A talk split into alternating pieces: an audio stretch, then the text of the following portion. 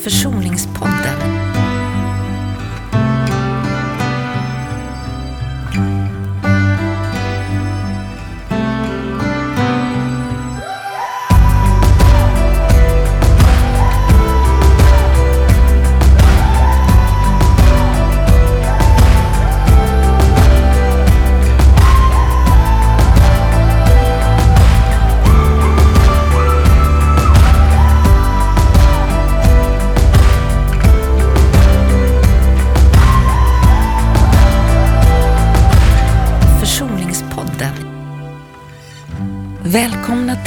Försoningspodden. Jag heter Görel Fred och jag är psykoterapeut och föreläsare och handledare. Och jag har skrivit en bok tillsammans med journalisten Ulrika Hjalmarsson Neideman som heter Att försonas med sin barndom och kanske med sina föräldrar. Och till den här podden så har jag bjudit in ett antal kloka människor som jag har bett att de ska läsa olika delar i den här boken och prata med mig om försoning och strategier för att nå fram till sina föräldrar eller andra människor som man behöver nå fram till. Och just det, det här med strategier och hur man når fram, om det är möjligt att nå fram, det har jag ju bett dig komma och prata med mig om. Daniel Modig. Vem är du, Daniel? Tack för att jag fick komma hit. Jag är väl framförallt pappa, son, mellanbror, make. Men jag jobbar också som familjebehandlare det har jag gjort många år. Och jag brukar förklara det som ungefär att jag är kurator för familjer. Och då har jag de senaste 15 åren snöat in på tonåringar, samtal med tonåringar och deras föräldrar i olika konstellationer. Det låter som ett spännande jobb, Daniel. Det är väldigt spännande. Och mycket av mitt jobb går ut på att försöka tolka vad tonåringar behöver. Mm. Att eh, hjälpa föräldrar att tolka sina egna tonåringar.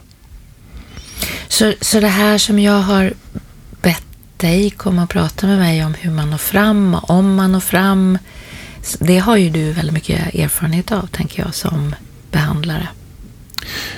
Ja, det, det måste man väl säga att det har jag stött på många gånger. Det är väldigt svåra frågor. Ja, eller hur? Det är det. Ja, men både du och jag har ju, har ju funderat en hel del på det här och vi har haft det i vårt jobb och vi har haft det i våra liv också, Ja, tänker jag. Att försöka Ja.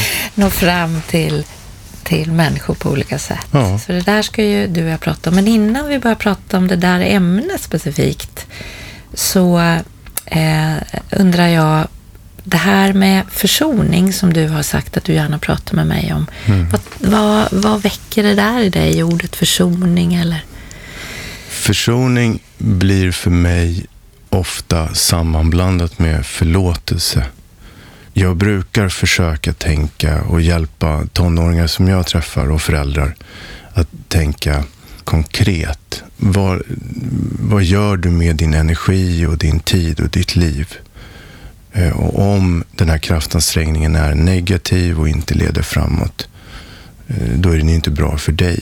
Även om du har rätt, även om det är sant, även om någon borde be om ursäkt eller reparera.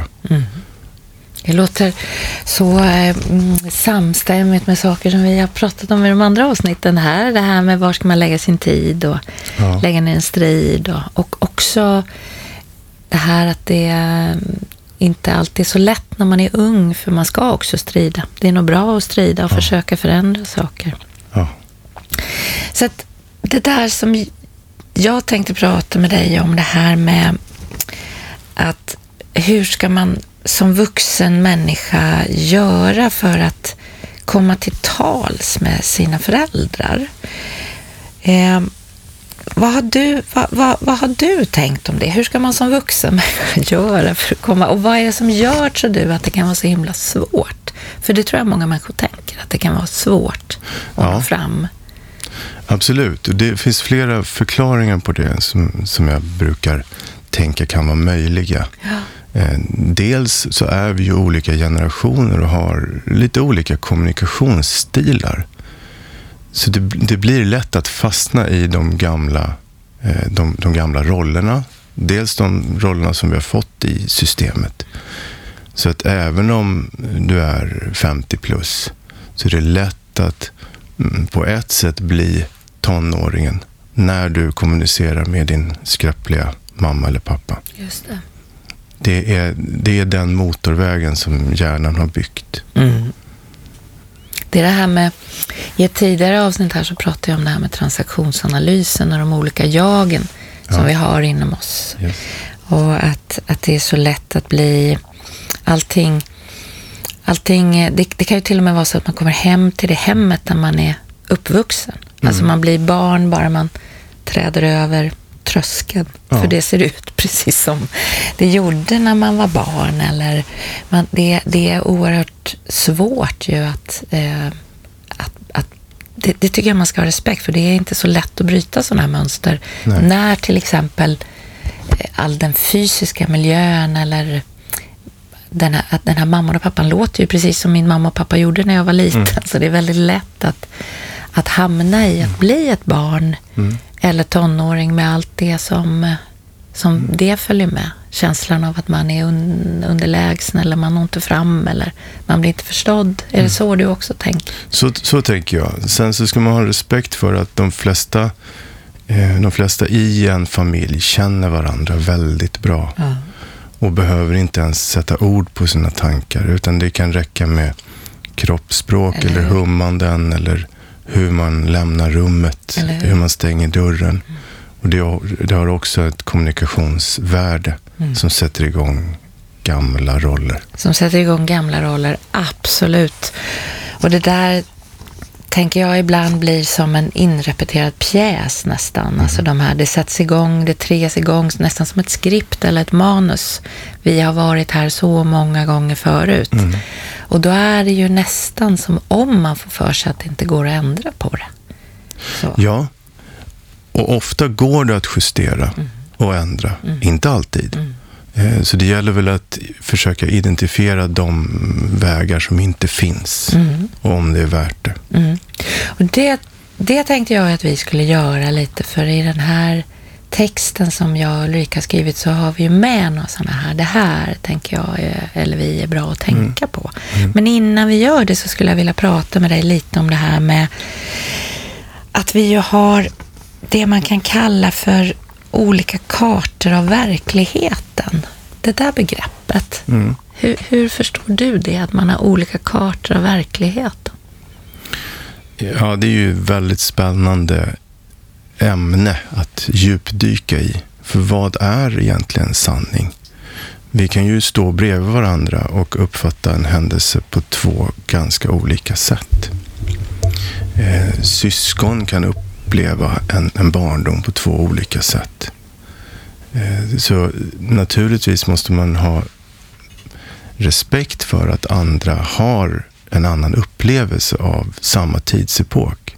Sen så är det ju några stora skillnader mellan vuxna och barn. Och då tänker jag, eftersom jag snöat in på tonåringar, Ja. så tar jag tonåringar som Ja. exempel. En tonårshjärna fungerar inte som en vuxenhjärna och den ska inte heller göra det. Den har många kraftfulla fördelar.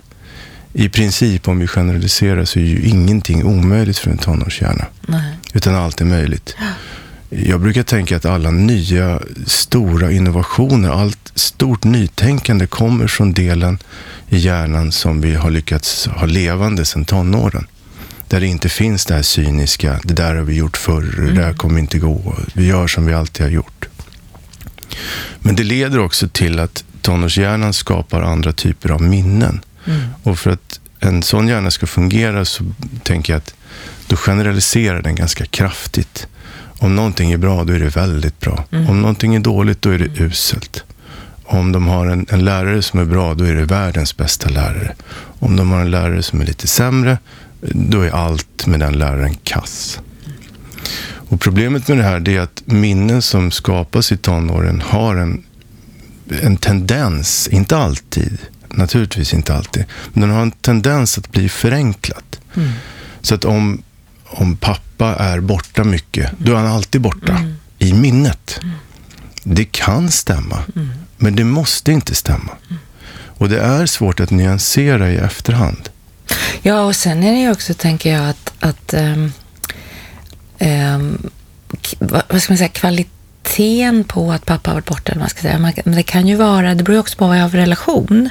Hur mycket jag, vad, vad, gör vi när pappa inte är borta eller mamma inte är borta? Vad mm. har vi ska, skapat för, så att det här med, med hur mycket man är borta har ju också att göra med mer saker än den faktiska tiden, om du är med på hur jag Absolut. menar. Den är ju också att göra med hur närvarande tyckte jag att min förälder var när den var där. Men ja. jag tänker att det här, det här med olika kartor, det är ju ofta svårt när man blir, när jag eh, känner att vi verkligen inte respekterar vad, vad, vi har varit med om. Alltså, så är det ju väldigt lätt att vara i att vi måste välja din eller min karta, mm. eller hur? Mm. Att det är sådär som att i, i boken så skriver vi om den här metaforen det är ju ingen metafor, men jag använder den som metafor med den här teckningsläraren, bildläraren som ger sina barn i uppgift att gå ut och rita en kyrka. Mm. Varje år så får de uppgiften att gå ut och rita den här kyrkan och en del använder blyerts, andra använder vattenfärg, andra använder kriter och sen så står de på olika ställen när de ritar kyrkan. Och så sätter hon upp alla de där bilderna och alla bilder föreställer kyrkan, men de är väldigt olika varifrån man mm. har tittat. Det där som, som du pratar om. Mm. Alltså både det du pratar om, att det kan vara en, vad ska man säga, en samspel mellan psyke och kropp som gör mm. hur vi minns.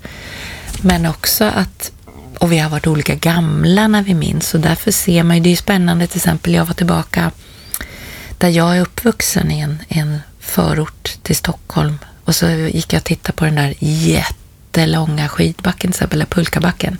Det är mm. ju en liten kulle. Ja. alltså, min minne av den där, där jag for ner och det var liksom så här, oh, det var så här äventyr. Det var en liten kulle. Ja. Liksom ett litet barn ser ju saker på ett sätt och en tonåring ser saker på annat sätt. Och vi har varit med om det vi har varit med om. Och vi får helt olika bilder av mm. verkligheten. Och det där ställer ju till det. Eller hur Daniel? Absolut. Att vi, att vi har det när vi ska kommunicera med varandra. Och tänk om man som vuxen kunde göra som du gjorde och gå tillbaka till kullen. Mm. Men kullen finns ju inte på det sättet. Alltså minnen av ens barndom. Det är svårt att som vuxen åka tillbaka och titta på vad var det egentligen som hände? Just det. Hur stor var egentligen den där kullen? Just det. Du kunde ju se med egna ögon att Ja, det var inte det här berget, utan Nej. det var en kulle. Ja, precis. Och det, det är det vi har också pratat om eh, förut här, att det liksom handlar ju om att, att just lägga till ibland för att kunna vara i försoningsprocess. Alltså, hur, hur stor var egentligen kullen? Alltså med mm. mitt vuxna jag, vad var det egentligen som hände? Mm. Alltså att kunna fundera över det. Var det verkligen? Fanns, finns det fler bilder av kullen? Eller? Kyrkan. Eller? Och där blir det ju ett bekymmer, för att vi minns inte samma saker. Och det är inte ens säkert att vi minns händelserna i sig. Nej. Jag, jag, pratade för inte så länge sedan med min pappa som är 70 plus. Ja. Och jag kom på det nu när jag har egna tonåringar, hur, hur svårt det är för dem att komma upp på morgonen. Och så kom jag på att min pappa kom in varje morgon med rostat bröd hela åttan, som var min tuffaste tid. Jag var så trött. Och jag minns då att jag verkligen uppskattade det. Och det var någon sorts, eh, ja, det var en kärlekshandling mm. som jag såg då, som jag sen i efterhand kan se att det var otroligt effektivt. Det hjälpte mig. Ja, så tog jag upp det med honom och han har inte ett minne av att han gjorde det. Det är ju spännande. Varför och, tror du inte han hade, har det? Ja, han har väl sorterat bort det. Det var, ett, det var, det var inte så viktigt för honom. Nej. Men det var väldigt viktigt för mig. Och, och sen så reagerade han mer att, ja, det var väl bra att jag gjorde det. Ja, så gjorde jag det. Och det här är en person som har ett bra minne, så det är inte så att han är glömsk. Men han har sorterat bort det. Någonting som var viktigt för mig då och nu, som jag kopierar i mitt eget föräldraskap, det var helt oviktigt för honom. Det här är ju jättespännande Daniel, för jag det, det, det tror att det också kan vara så här att ett minne, som till exempel att din pappa kommer med rostat bröd, nu ska jag se så jag inte blir flummig. Det kan vara, bli ett slags samlingsnamn för en omsorg du kände för honom. Ja. Som kommer liksom ut i det här rostade brödet. ja, det är nog en bra tolkning. Ja, Det var ju, var ju fysiskt bra att jag fick i mig någonting. Så Just det. det. Det var det. Men, men absolut, det var lite signalpolitik också. För att man kan ju tänka då att vissa minnen man har som ens föräldrar har svårt att... Eh, men varför, varför håller du på med det där? Om vi nu pratar om negativa minnen. Mm. Alltså låt säga att jag vill prata med min förälder om när du hade lovat mig att vi skulle gå på Grönan och så fick jag inte göra det. Mm. Så, alltså så. Och så kan man ju som förälder tycka, men herregud vilken förbannad skitsak. Och så minns man det där 30 år senare. Då kanske det där blir, vad kallar du ett signalvärde för att jag egentligen behöver prata om känslan av att, att känna mig bortglömd eller känna mig ehm, att det hände. Liksom, att jag kände mig inte tagen på allvar eller inte respekterad. Som, och så blir det där minnet av grönan. Det är inte själva grönan. Att jag inte fick gå där eller inte själva rostade brödet utan det är liksom en samlad känsla som manifesteras i det där minnet. Är du med mig eller flummar jag? Nej, jag tycker inte du flummar. Nej. Jag tycker det är väldigt tydligt. Ja, för så, och därför så tänker jag att när våra barn tar upp den där, alltså det rostade brödet låter ju väldigt, väldigt gott, men om, om våra barn tar upp eh, den här grönan grejen, om man tänker, men lägg av. Vi gick ju på Skansen, liksom. Så kanske man som förälder behöver fundera över varför, vad står det där minnet för hos dig? Vad är det för vad, vad är det som gör att du behöver prata med mig om det minnet? Ja. Så kan det ju vara, speciellt om det kommer tillbaka många gånger. Absolut. Du är inne på hur vuxna ska förhålla sig till när deras vuxna barn kommer med negativa minnen. Just det. Och då tänker jag precis som du att det är väldigt sällan Gröna Lund det handlar om. Mm. Utan det står för någonting annat. Mm. Mm. Precis. Det är inte så konstigt att den här skivan, den inrepeterade pjäsen slås på. Det har ju vi pratat om. Mm. Man kommer kanske hem till det hem där man var barn eller Alltså den rösten man möts av från sina föräldrar är ju den rösten som man också mötte när man var barn. Alltså det finns mycket som är lätt triggat eftersom det är, det är på riktigt min pappa eller min mamma. Det är inte bara en... Ibland när man är i vuxna relationer så kan man ju säga till någon att du påminner om min pappa, nu låter du som min pappa.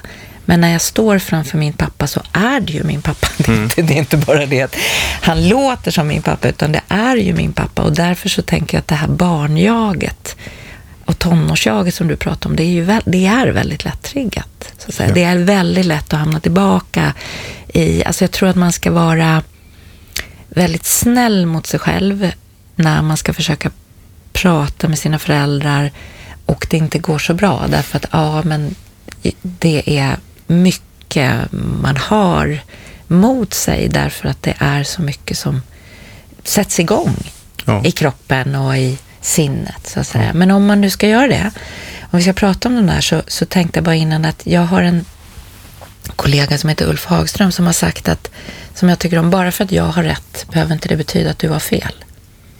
Ja, det är ju klokt. Det är ju det där med äh, när vi står och ritar kyrkan.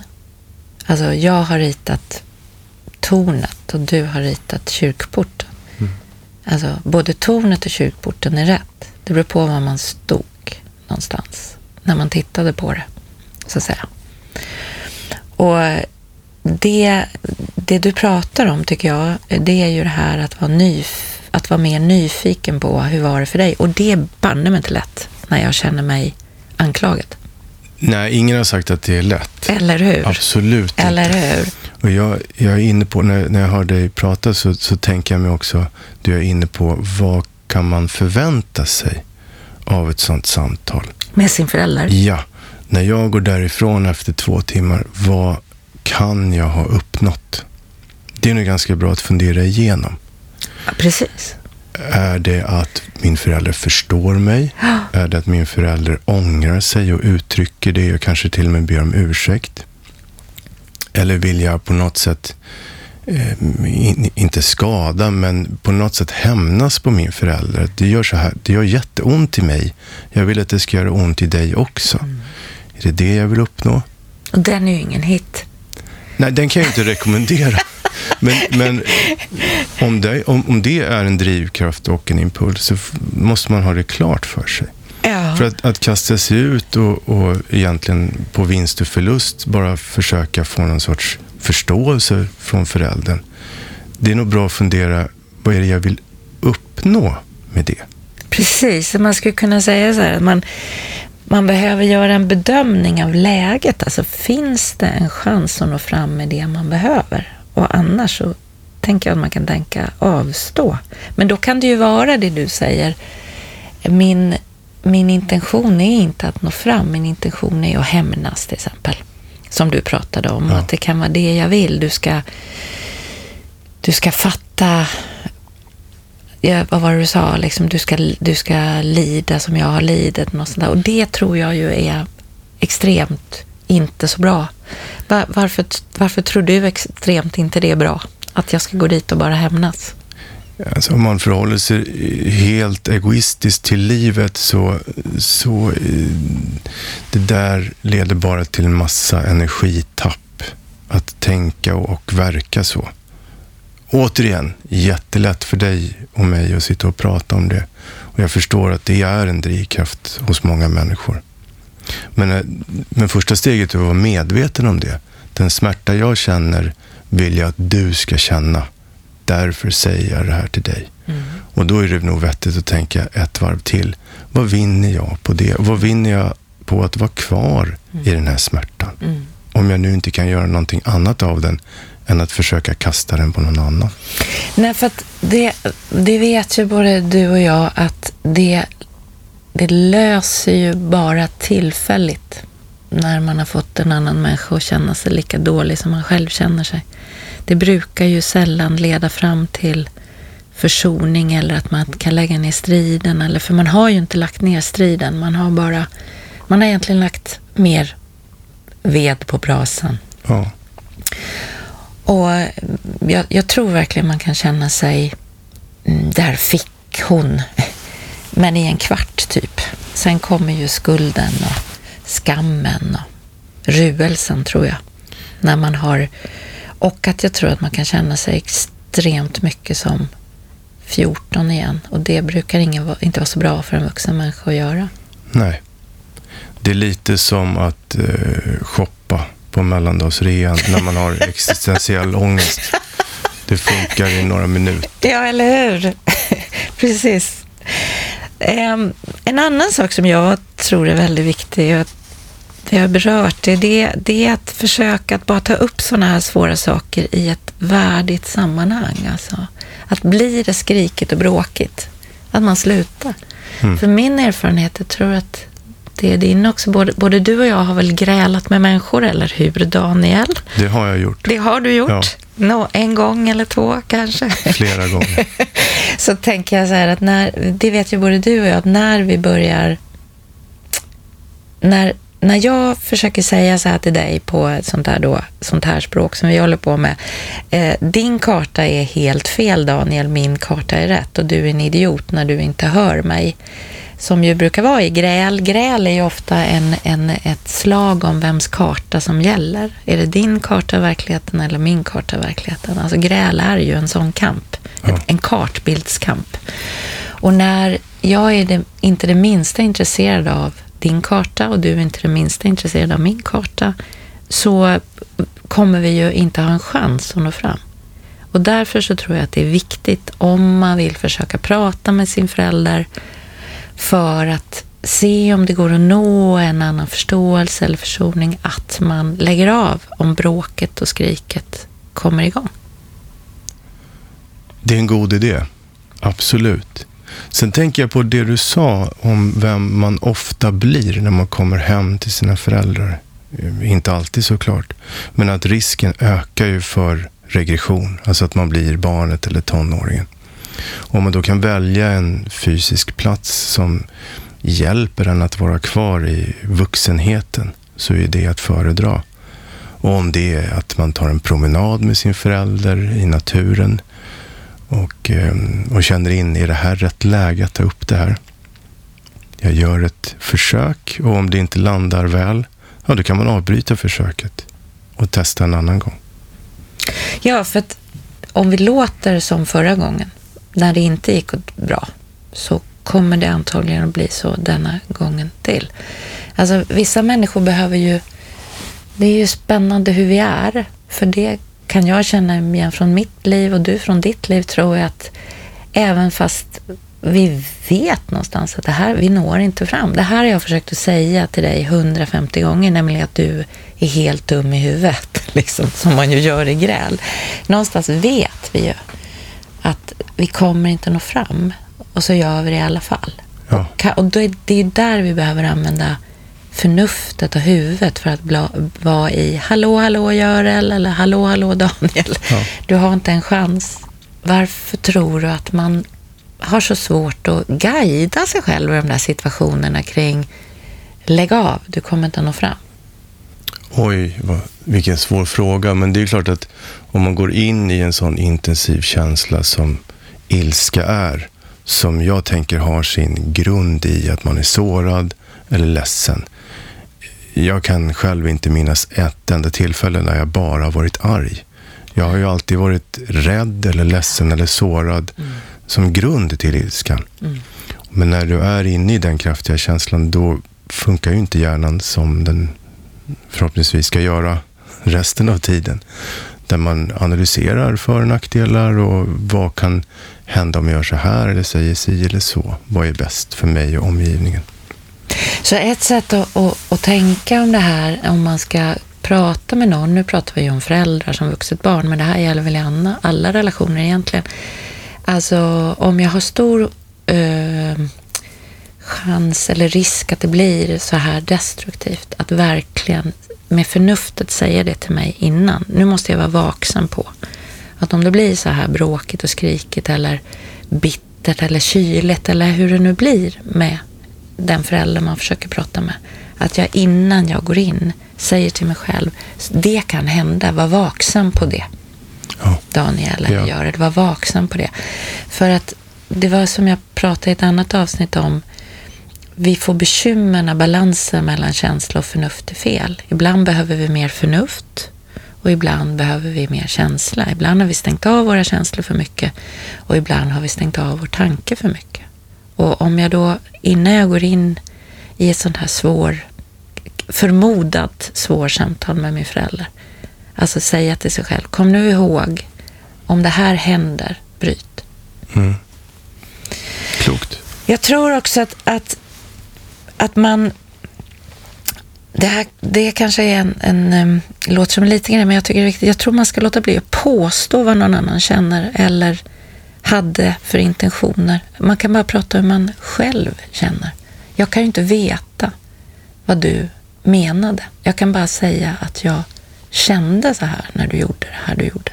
Jag vet ju inte vad du, din intention, men det här är ju också lätt. Det är gräl, man börjar tala om hur den andra är och vad den andra menar. Mm. Känner du igen det? Oh ja. Och särskilt när man refererar till saker som har hänt för 30 år sedan. Där minnet är dimmigt ofta. För den ena, men för den andra så kan det vara kristallklart. Eller åtminstone det minnet som man minns återigen, det behöver inte vara verkligheten. Och du har massa saker att förhålla dig till när det gäller minnet. Du gör efterkonstruktioner, du gör förenklingar. Och tidsuppfattningen hos ett barn eller en tonåring skiljer sig väldigt mycket från en vuxen. Så när man generaliserar och tänker att min förälder gjorde alltid si eller alltid så, eller kom alltid hem sent, eller glömde alltid mina träningar. Då kanske det egentligen inte var så i verkligheten, utan det är en känsla. Så jag, jag tänker om man backar lite grann innan man kör någon sorts intervention mot sin förälder. Att börja med att, in, att undersöka sitt eget minne. Vad är det jag minns? Kan jag göra en egen tidslinje med hjälp av någon annan eller med hjälp av mig själv? Vad har hänt i mitt liv? Och hur såg det ut? Var bodde jag? Vad hände? Vad är det, vad är det som jag tycker gör ont i minnet? Vad är det som jag känner att jag vill ta upp och fråga mina föräldrar? Eller be dem ta ansvar för. Mm. Att identifiera det. Och det kan handla om en, en förhållandevis kort period av livet. Och då ska man också tänka att för föräldrarna så kanske det var en väldigt kort period, men för tonåringen eller barnet så var det en evighet. Jo, för att det är fortfarande, för det tror jag du också menar, liksom att det är fortfarande så att Låt säga att det var så här att jag jag har fel rent objektivt sett om att det alltid var så att du aldrig var med mig på träningen. För du kan som min pappa säga, där har du fel Görel, jag var med sju av 15 gånger, det står nedskrivet här i almanackan, ja. så, så är det ju, det är ju mera, som vi också pratade om i ett annat avsnitt, det är ju mer att, att jag som förälder kommer från den här dansen kring statistiken eller det faktiska så att säga. Det, det, det, jag behöver ju möta mitt barn i, men gud vad tråkigt att du upplevde det så. Alltså, ja. Känslan av.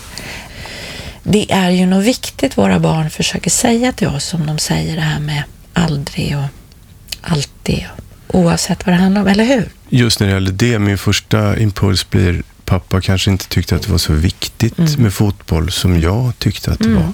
Och då kan man egentligen prata om det. Mm. Och om ens vuxna pappa säger, ja, det där med fotboll, det, det är väl kanske kul, men det, det är inte så viktigt. Mm. Ja, då har du svar på frågan. Då stod ju han där, men var, tänkte på helt andra saker. Och det kan vara det kan vara okej okay, eller det kan stå för någonting annat. Han tyckte aldrig någonting jag gjorde var viktigt. Alltså ja. att verkligen förhålla sig till minnet som dels hur hög var egentligen pulkabacken? Mm. Så kan man, det är ju det du pratar om. Men också vara i vad det som gör att det är viktigt för mig att hävda att den var mycket högre än vad den var. Eller vad det är för känsla i det. Det här tema minnet eller vad mm. vi kallade de här Gröna Lund och rostade brödet för. Mm. Eh, jag tror också att det är klokt om man ska prata med sina föräldrar, eller hur Daniel, att man låter bli och attackera. Det gäller ju alla.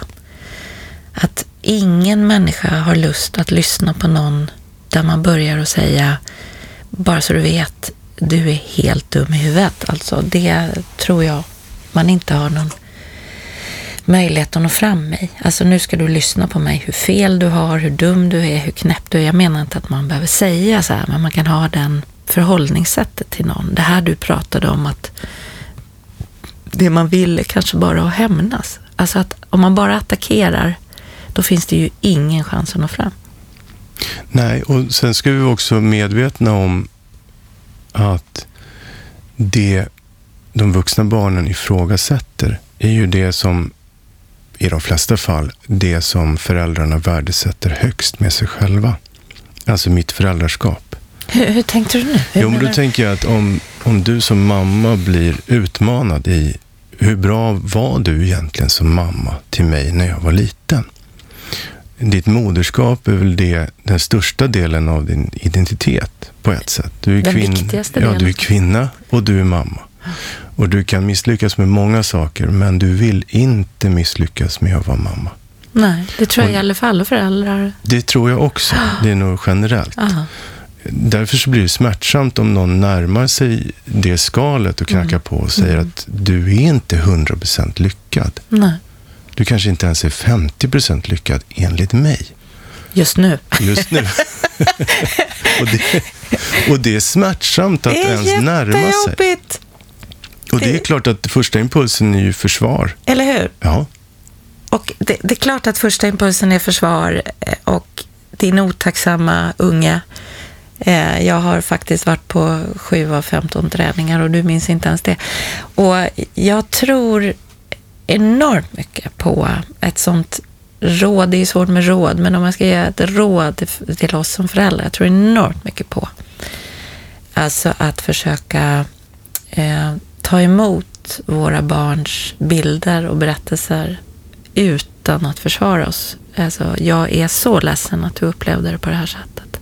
Mm. Men det är ju lättare sagt än gjort, för du har så rätt i att jag tror att för enormt mycket människor, jag menar att vi har ju fler identiteter än föräldrar, men vår föräldraidentitet är jätteviktig. Mm. Att jag är en good enough förälder, en Mm. tillräckligt bra förälder. Jag tycker ju om Jesper Juhl-citatet som jag citerat här en gång förut, att barn behöver inte perfekta föräldrar. Hur ska de då lära sig vad det är att vara människa? Men man, man behöver ju ändå vara typ okej i sina egna ögon för att inte börja försvara sig. Ja. Så det här är ju det här är ju svårt. Man blir attackerad i eller ifrågasatt i en av de viktigaste roller man har. Absolut. Sen tänker jag att du som vuxen förälder, om du blir konfronterad eller eh, att, att dina vuxna barn vill berätta saker för dig som du inte riktigt känner igen, som du känner ifrågasätter din, ditt föräldraskap och det du gjorde. Där är det viktigt att tänka, vad är det mina barn, mina vuxna barn vill mig? Eller vill de ha en ursäkt och någon sorts erkännande och att, att pressa fram att man minns ungefär samma sak? Eller vad är det de vill med det här? Och då, då blir det ju det där att om man, om man ändå försöker, som inte är så lätt, att se våra... Alltså det är ju inte så att vi är på rättegång där det går att reda ut. Alltså om det är rätt att beskriva kyrkan utifrån kyrkporten eller utifrån tornet. Alltså vi har helt enkelt sett samma sak på olika sätt. Ja. Eller det kanske inte ens därför har varit samma sak. Jag tänker när du pratar det här med syskon. De är ju också uppvuxna i olika familjer. Alltså, det har ju bara varit ett barn och då var det på ett sätt. Och sen har det varit två barn och då var det på ett helt annat sätt. Vi har inte samma barndom med våra syskon. Nej. Vi har verkligen inte det. Och det är klokt om man förmår att vara intresserad av var stod du när du tittar på kyrkan. Men det är banne inte lätt. För vi blir så känslomässigt ledsna ju. Eller hur? Att någon ser något som de inte tyckte var bra med vårt föräldraskap. Mm. Eller någon, våra barn ser det. Samtidigt så har jag upplevt själv eh, och i mitt jobb hur viktig och hur avgörande ett gott syskonskap kan vara i längden. Absolut. Och, och det betyder inte att man tycker samma saker eller minns exakt samma saker. Men i stora drag så kan syskon ha liknande världsbild. Absolut. Och särskilt om man har en uppväxt som är kantad av eh, lite, lite tyngre problematik som missbruk och psykisk ohälsa så är det ju eh, ja, det är en, det är en tillgång. Det, det är det absolut dyrbaraste man har. Och syskon är ju en helt egen podd, eller på säga. Det är ju jätteintressant med syskonrelationer och jag, jag tänker så här, det kan vara så som du beskriver att det är eh, det som breddar min berättelse eller djupar min bild av hur vi hade det. Jag får medhåll. Ja. Och det kan ju också vara så att i vissa familjer så har vi väldigt olika bilder. En annan sak som jag tänker är viktig, som jag undrar vad du tänker när jag säger när man ska prata med sina föräldrar, det är det här som jag kallar för bekräftelsedansen. Att man kan hamna verkligen i sitt barn-jag med sin förälder och vill bli bekräftad om och om och om och om igen. Och det är ju väldigt lätt när man har haft en förälder som inte har bekräftat en. Ja. Och jag tror att det är klokt att gå med på att jag kommer nog inte få den där bekräftelsen på det här sättet. Att hoppa av bekräftelsedansen tror jag är väldigt bra för en som vuxen människa. Vad, vad tänker du på det? Ja, jag, jag tänker att man får gå tillbaks och fundera kring varför gör jag som jag gör? Varför har jag utbildat mig till det jag utbildat mig till? Varför jobbar jag med det jag gör? Varför bor jag där jag bor? Och om allt pekar mot vad mina föräldrar önskar av mig, då är det första steget att inse, okej, är det det här jag vill? Eller är det det här jag tror att mina föräldrar vill att jag ska göra? Sen kan ju det sammanfalla med vad jag själv vill. Absolut. Jättebra. Mm. Men om det inte gör det, då är det väl bra att identifiera det. Och bättre sent än aldrig. Mm. Och den där bekräftelsedansen, den kan ju också handla om... Alltså man, jag tror att man kan bli väldigt barn där. Alltså säg att jag är duktig, säg att, säg, säg att du tycker om mig, säg att det där. Ja. Och eh, jag tror att det är en god tanke när man ska prata med sina föräldrar att kunna mer vara den här omhändertagande vuxna med sig själv och säga till sig själv att du kommer nog inte få det där. Alltså våra föräldrar har ju också varit Eh, alltså vissa så här föräldrar är ju uppvuxna med att barn mår inte bra av om man säger att de är bra, för då tror de att de är någon. Och alltså det här med, man har med sig idéer in i föräldraskapet kring vad ens barn mår bra av. Så det kan, det kan vara så, så att säga, att man tycker man gör sina barn en tjänst när man inte talar om att de är bra. Ja. Eller man tycker att man ska inte man ska inte få sina barn att bli skrytsamma människor. Det kan finnas massa saker, men jag tror att det är viktigt när man ska komma till tals med sina föräldrar att försöka komma ifrån bekräftelsedansen om man nu tycker att man har en sån. Jag tänker bara innan vi så småningom avslutar det här, Daniel, att, att jag tänker att två saker till tror jag är viktigt när man ska prata med sina föräldrar eller försöka prata med sina föräldrar. En av de sakerna har vi varit inne på, att innan man går in och ska försöka göra det, eller in, men innan man försöker gå in i det här samtalet så måste man tala om för sig själv att antagligen kommer jag få signaler från mitt barn-jag, så att säga. Och därför måste jag använda mycket vuxen-jag och prata lugnande med mig själv.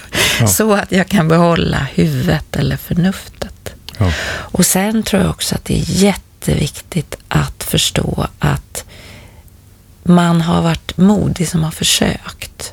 Och om det inte går så ska man inte tala om för sig själv att man är misslyckad. För man har försökt, man har försökt att förändra mönster och det är modigt. Och gick det inte denna gång så kanske det går nästa. Så tänker jag. Eller så behöver man bara känna att man har försökt. Och sen kan man lägga det bekymret till handlingen och tänka att jag gjorde vad jag kunde. Jag har gjort det skriftligt och muntligt och jag har gjort det på alla de sätt jag kommer på. Och det hjälper inte. Så då måste jag lägga ner det. Mm. Det är då man har kommit till den inre försoningen. Nu tar dåtiden för mycket kraft. Nu går jag vidare. Precis. Daniel, vad glad jag är att du kom och ville prata med mig om det här ämnet, om hur man eventuellt kan eller inte kan nå fram till sina föräldrar. Tack så mycket för att jag fick komma. Du har lyssnat på Försoningspodden. Minns att ordet försoning betyder att lägga ner en strid. Inte för att det man stred för var det något fel på, men för att man inte kommer vinna. Producent för den här podden är Erik Zettervall. Och om du har några frågor eller funderingar så välkommen att mejla dem till försoningspodden gmail.com